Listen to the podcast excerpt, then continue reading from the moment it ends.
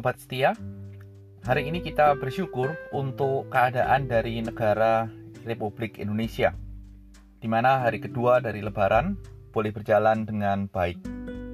Saat ini saya mengajak kita untuk bersama-sama mendoakan bagi Juan, yang sampai saat ini masih harus menjalani isoman. Kiranya Tuhan boleh memulihkan kesehatan dia. Dan hari ini kita juga akan bersama-sama merenungkan kebenaran firman Tuhan dengan tema kemenanganmu berdasarkan Lukas 22 ayat 7 sampai dengan 23.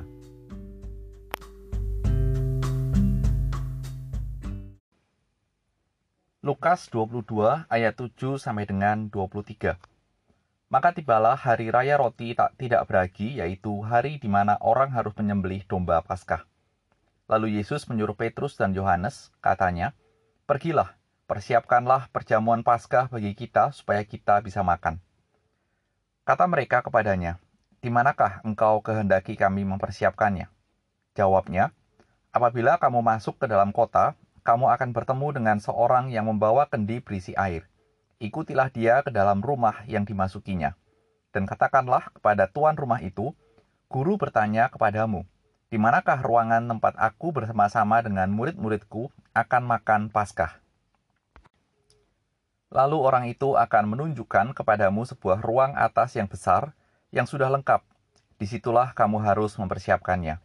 Maka berangkatlah mereka, dan mereka mendapati semua seperti yang dikatakan Yesus kepada mereka. Lalu mereka mempersiapkan Paskah. Ketika tiba saatnya, Yesus duduk makan bersama-sama dengan rasul-rasulnya dan katanya kepada mereka, Aku sangat rindu makan Paskah ini bersama-sama dengan kamu sebelum aku menderita. Sebab aku berkata kepadamu, aku tidak akan memakannya lagi sampai ia beroleh kegenapannya dalam kerajaan Allah. Kemudian ia mengambil sebuah cawan, mengucap syukur, lalu berkata, Ambillah ini, dan bagikanlah di antara kamu. Sebab aku berkata kepada kamu, Mulai dari sekarang aku tidak akan minum lagi hasil pokok anggur sampai kerajaan Allah telah datang. Lalu ia mengambil roti, mengucap syukur, memecah-pecahkannya, dan memberikannya kepada mereka. Katanya, inilah tubuhku yang diserahkan bagi kamu.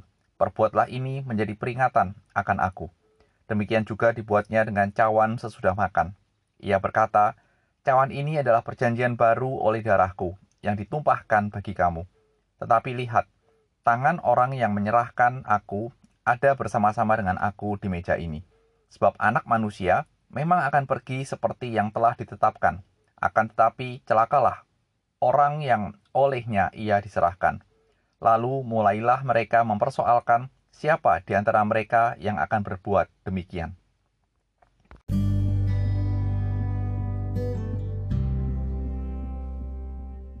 Mari kita berdoa. Tuhan Yesus, terima kasih buat hari ini dan berkatilah kami dengan firman-Mu.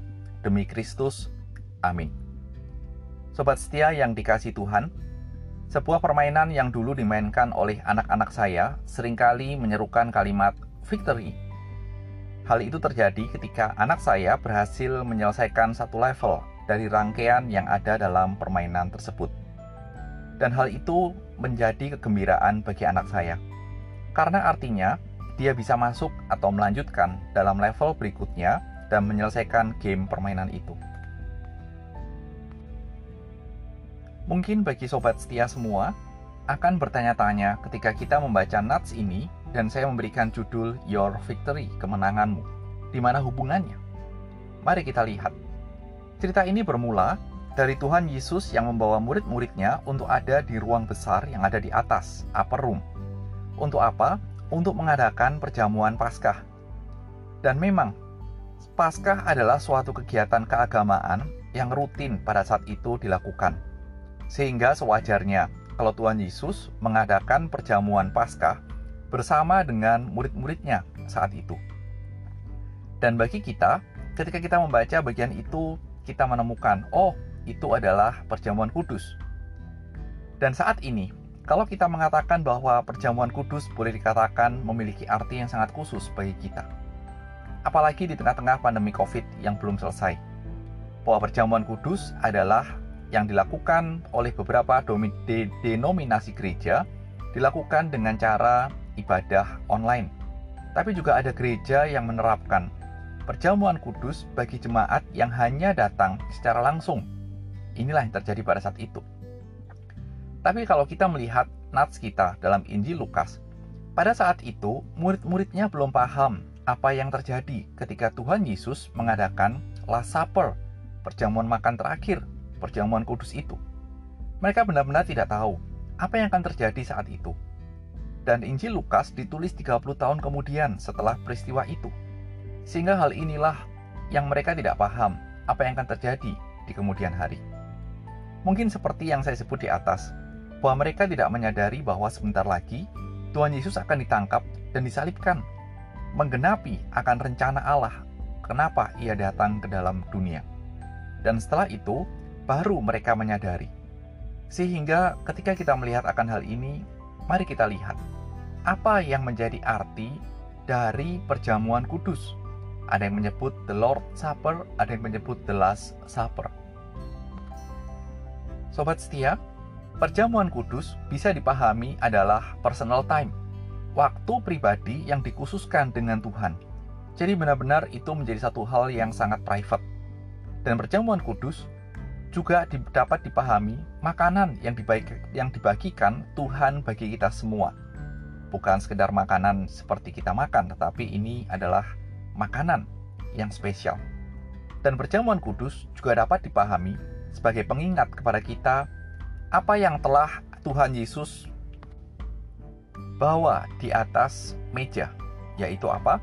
Anak tunggalnya, Kristus Tuhan. Ini adalah sebuah simbol, sebuah pelambangan.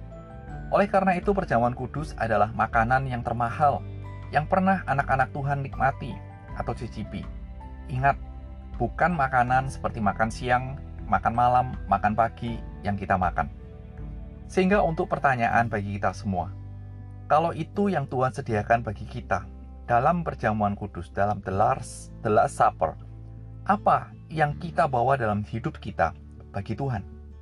Ini sebuah pertanyaan yang harus kita renungkan. Mungkin pertanyaan ini bisa seperti tombak yang menghujam hati kita. Karena apa? Karena sifat manusia lebih suka untuk meminta daripada memberi. Sikap manusia lebih suka menerima daripada membuat sesuatu untuk diberikan kepada orang lain.